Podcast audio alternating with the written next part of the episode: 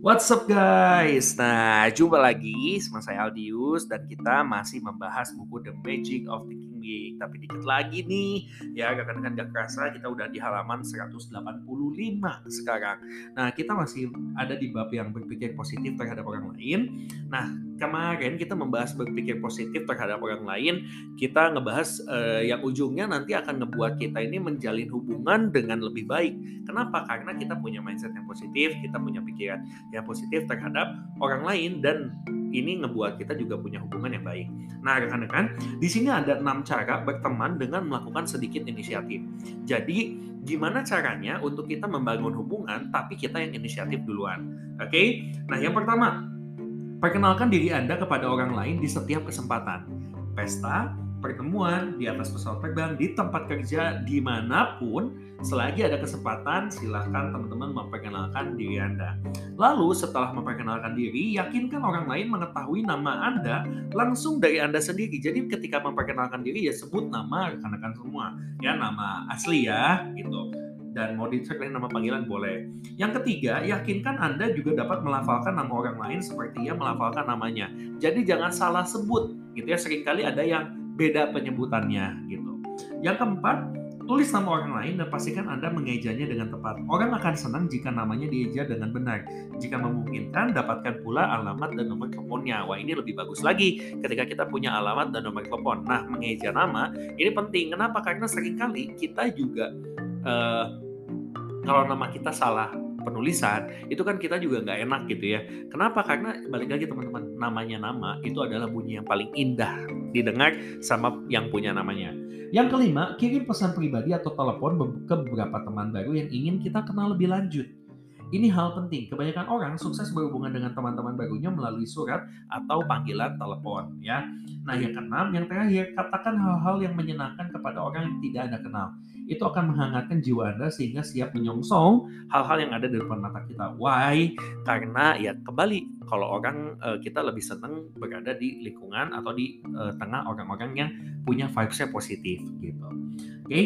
Nah, jika kita menjalankan enam nasihat tadi, kita sudah berpikir positif terhadap orang lain. Jadi ini salah satu langkah untuk membiasakan diri kita menjadi pribadi yang lebih positif lagi dan punya mindset yang lebih positif. Nah, tentu aja orang yang biasa-biasa aja nggak akan berpikir semacam itu. Bapak biasa-biasa aja takkan pernah punya inisiatif untuk memperkenalkan diri. Ia justru menunggu orang lain memperkenalkan diri mereka duluan. Nah, pilihannya di kita. Apakah kita yang mau inisiatif duluan atau kita nunggu orang lain yang punya inisiatif? Nah, ambillah inisiatif, jadilah sukses. Ambil langkah berbeda untuk bertemu orang lain dan jangan malu-malu. Jangan takut merasa aneh. Kenalilah orang lain dan pastikan ia pun mengenal Anda. Nah, rekan-rekan, kita juga sering kali gini ketika kita berhubungan sama orang.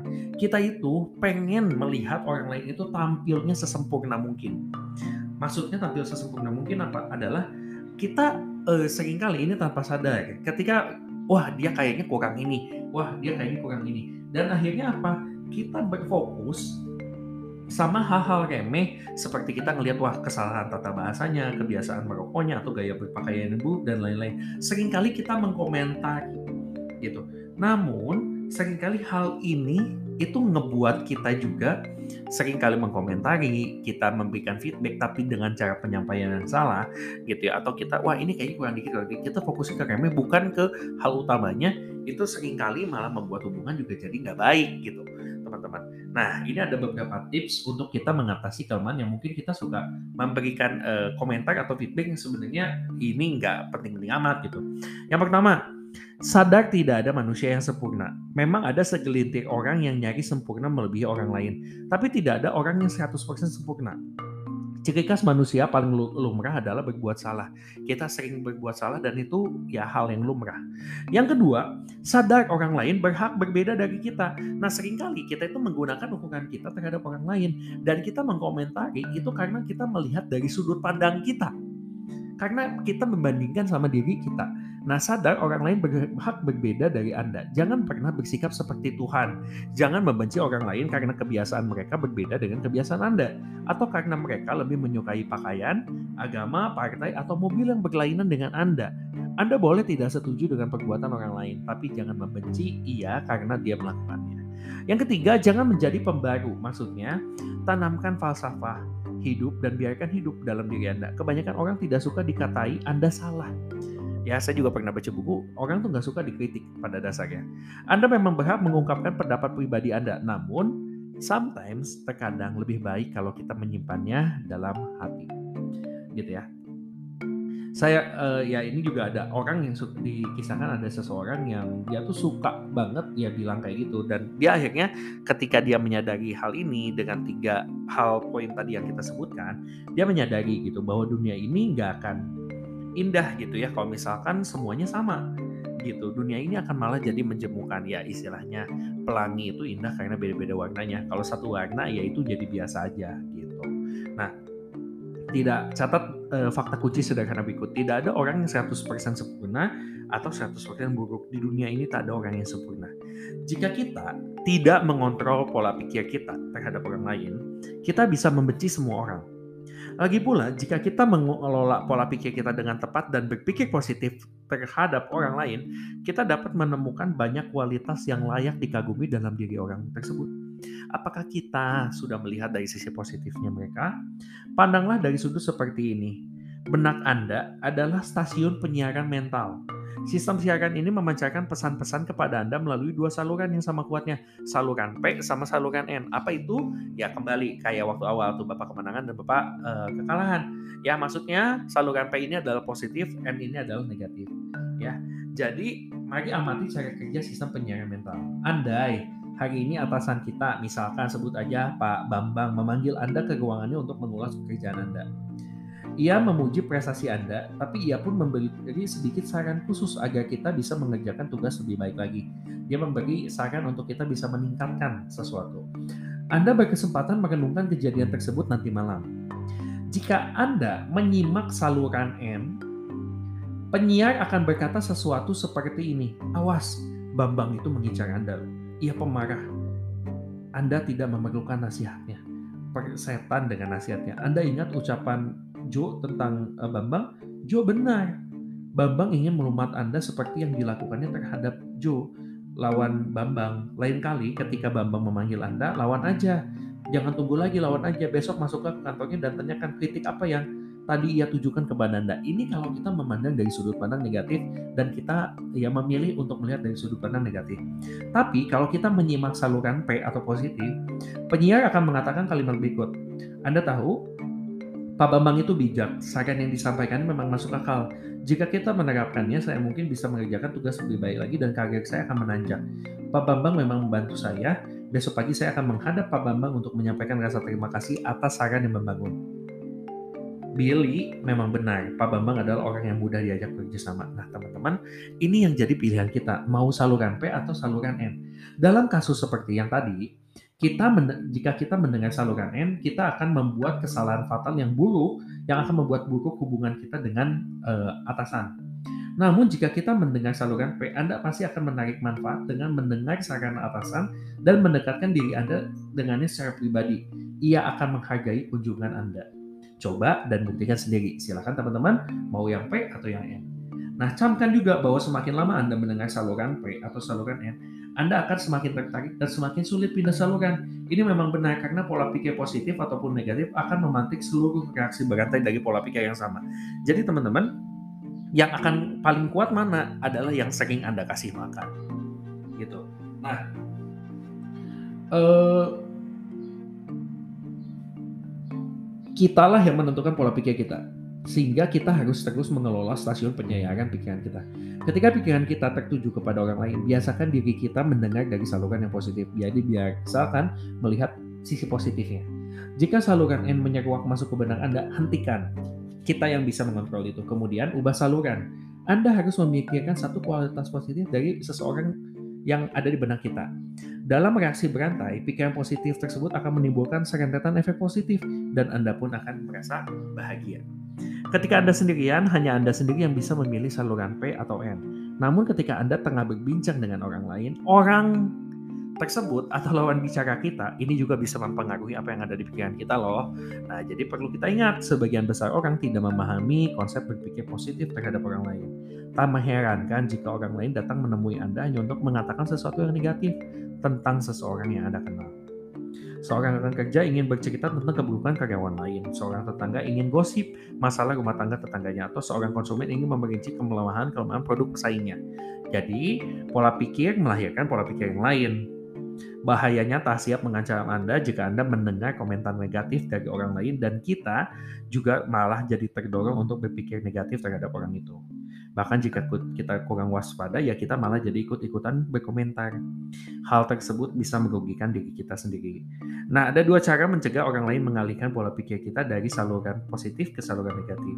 Cara pertama, mengubah topik secepat mungkin dalam beberapa pernyataan seperti, maafkan saya, sambil saya memikirkannya, saya ingin bertanya pada Anda, ya kita bahas topik lain. Atau cara kedua adalah meminta maaf sambil berkata, maaf ya, saya udah terlambat saya memenuhi uh, saya harus uh, melakukan aktivitas yang lain. Nah itu gitu ya. Jadi sebuah inilah tips.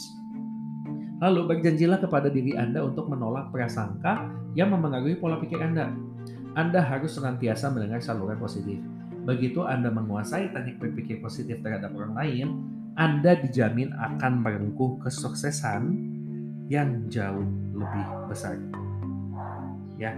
Jadi ya ketika kita nih sekarang lagi ngeprospek orang gitu ya, banyak orang yang ya punya gitu ya sama melakukan hal yang sama kayak kita. Tapi yang harus kita lakukan adalah ya pak mindset kita. Kita harus belajar untuk menyukai prospek kita. Kita harus belajar mencintai apa yang jadi pekerjaan kita juga ya.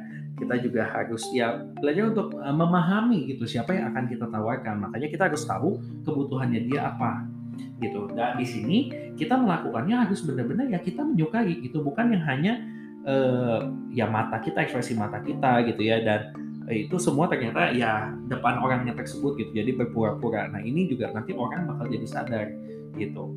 Nah, jadi di sini cari alasan lah untuk menyukai prospeknya kita. Kalau misalkan kayak kita sedang membangun hubungan sama prospek kita, biar deal nih gitu ya. Jadi harus belajar untuk menyukai prospek, cari dan gali yang apa yang jadi kebutuhan orang tersebut gitu ya.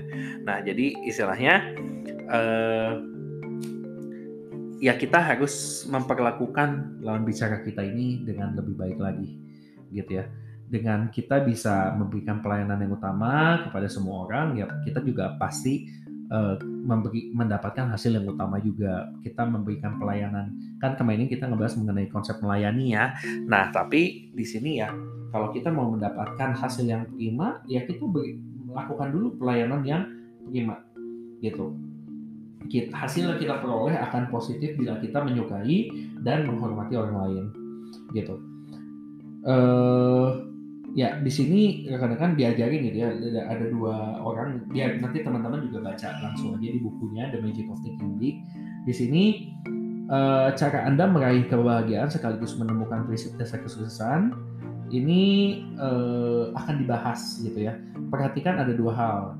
Ini uh, eksperimen sederhana yang sudah mengungkapkan bahwa ya kualitas positif kalau kita berkonsentrasi sama kualitas positif ya hasilnya juga positif gitu karena setiap orang pasti punya kualitas positif dalam dirinya. Yang pertama perhatikan siapa yang paling banyak bicara dan siapa yang lebih sukses. Nah, orang yang paling banyak bicara tidak selalu menjadi orang yang paling sukses. Tidak selalu ya. Hampir selalu semakin sukses orang tersebut semakin sering ia menampung percakapan orang lain karena pada dasarnya prinsipnya 70-30 teman-teman 70% mendengar 30% berbicara. Ya, jadi bukan lebih banyak berbicaranya ia mendorong orang lain untuk menceritakan dirinya sendiri, pandangannya, prestasinya, keluarganya, pekerjaan, dan masalahnya. Jadi ketika kita udah tahu informasi dari kebutuhannya, masuk dari pintu dia, teman-teman. Dengan menampung percakapan orang lain, Anda akan merintis jalan menuju kesuksesan dengan dua cara. Menampung percakapan orang lain akan membuat Anda punya banyak teman karena kita menjadi pendengar yang baik. Yang kedua, menampung percakapan orang lain akan membantu Anda belajar lebih dalam mengenai orang lain. Camkan hal ini, orang yang biasa-biasa aja akan lebih suka berbicara tentang dirinya sendiri dibanding orang lain. Begitu ada kesempatan, pasti langsung disambarnya. Menampung percakapan orang lain adalah cara paling pasti dan paling sederhana, serta paling mudah menggait banyak teman. Jadi apa? Memancing orang bercerita dan kita jadi pendengar yang baik. Uh, di bab satu kita belajar orang lain adalah sesajen yang kita pelajari dalam laboratori, laboratori, laboratorium kesuksesan kita. Semakin banyak kita mempelajari diri, proses berpikir, kelemahan dan kekuatan, serta alasan mereka melakukan sesuatu, semakin efektif kita mempengaruhi mereka sesuai dengan uh, keinginan kita gitu ya. Maksudnya kita udah tahu gitu apa yang jadi kebutuhannya. Jadi kita bisa memberikan hal sesuai dengan uh, kebutuhannya. Banyak bisnis yang maju melakukan wawancara terakhir bagi karyawan yang mengundurkan diri itu bukan mereka uh, menahan untuk karyawan dari keluar, melainkan mencari tahu alasan karyawan itu mengundurkan diri. Kemudian perusahaan bisa memperbaiki hubungan dengan karyawan lainnya. Masukan semacam ini senantiasa bermanfaat. Kenapa perusahaan melakukan ini? Biar oh dia tahu dari sudut pandang karyawan itu seperti ini. Jadi dia bisa menjalin hubungan dengan karyawan yang lain sehingga tidak ada yang mengundurkan diri lagi. Mendengar juga bermanfaat bagi tenaga penjualan. Kita sering menganggap tenaga penjualan itu bermulut manis atau berbicara cepat. Namun, manajer penjualan tidak terkesan pada orang yang bermulut manis, tetapi terkesan terhadap orang yang menjadi pendengar yang baik, orang yang mampu bertanya sekaligus mendapatkan jawaban yang diinginkan. Jangan menjadi orang yang suka memuji diri sendiri. Dengarkan, dapatkan banyak teman dan pelajari. Kebaikan yang Anda lakukan adalah penenang terbaik yang dapat Anda terapkan dalam setiap hubungan dengan orang lain. Melakukan hal-hal kecil, apresiasi, contohnya, yang utama dan bagi orang lain efektif meningkat ketenangan Anda. Rasa frustasi, stres akan hilang jika Anda berpikir positif terhadap orang lain. Jika disimpulkan, penyebab terbesar stres adalah perasaan negatif terhadap orang lain. Benar nggak sih? Kalau benar, yuk kita mulai belajar untuk uh, berpikir positif ya terhadap orang lain sehingga kita sadari gitu bahwa indahnya dunia itu seperti apa. Ujian sesungguhnya bagi berpikir positif justru ketika semuanya berjalan tidak sesuai rencana. Apa yang Anda rasakan ketika tidak mendapat promosi jabatan atau ketika Anda gagal meraih posisi dalam uh, komunitas tempat Anda bergabung atau ketika pekerjaan Anda dikritik. Camkan ini, cara Anda memandang kekalahan Anda akan menentukan lamanya kekalahan itu hingga Anda bisa menang kembali gitu.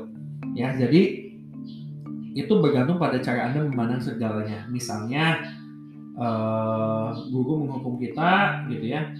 Ya pasti karena kesalahan kita gitu yang membuat disiplin itu perlu ditegakkan gitu.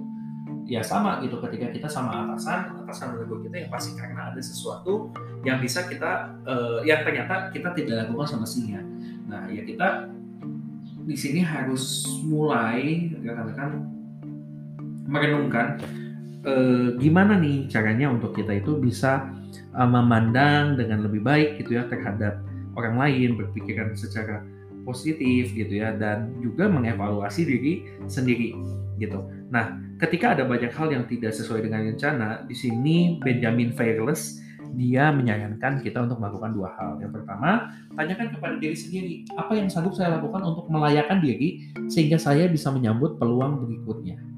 Yang kedua, jangan berkecil hati dengan menyia-nyiakan waktu dan energi Anda.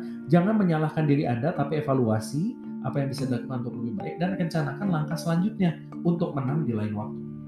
Secara singkat, di bab ini kita membahas mengenai terap, uh, prinsip-prinsip yang bisa membantu kita untuk berpikir positif terhadap orang lain. Nah, apa aja kita tadi ngebahas mengenai buat diri Anda lebih ringan supaya mudah diangkat. Jadilah orang yang disukai orang lain maksudnya. Anda harus berperilaku baik seperti yang diharapkan orang lain. Yang kedua, ambil inisiatif dalam membangun persahabatan. Perkenalkan diri Anda kepada orang lain dalam setiap kesempatan. Pastikan Anda mengenal nama orang itu secara langsung dan pastikan mereka juga mengenal nama Anda. Terimalah perbedaan dan keterbatasan manusia. Jangan berharap orang lain sempurna. Ingat, orang lain berhak menjadi pribadi yang berbeda. Jangan berusaha mengubah mereka. Simak saluran positif yaitu stasiun positif ya saluran P. Temukan kualitas yang layak disukai dan dikagumi dalam diri seseorang.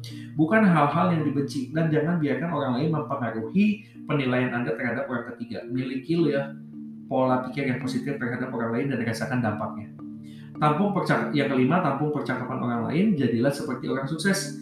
Dorong orang lain untuk berbicara, ya. Biarkan orang lain mengungkapkan kepada Anda tentang pandangan, opini, dan prestasinya. Jadi, uh, pancing mereka dengan pertanyaan-pertanyaan biar mereka cerita lebih banyak. Yang keenam, lakukan kebaikan sepanjang waktu. Itu akan membuat orang lain dan diri Anda merasa lebih nyaman. Dan yang ketujuh, jangan menyalahkan orang lain ketika Anda mengalami kegagalan. Camkan bagaimana Anda memikirkan kekalahan Anda akan menentukan lamanya kekalahan itu hingga Anda menang kembali. Nah, rekan-rekan, statement tadi menutup uh, kita di bab ke-9 dan nanti besok kita akan membahas mengenai bab 10 dengan judul raih kebiasaan bertindak.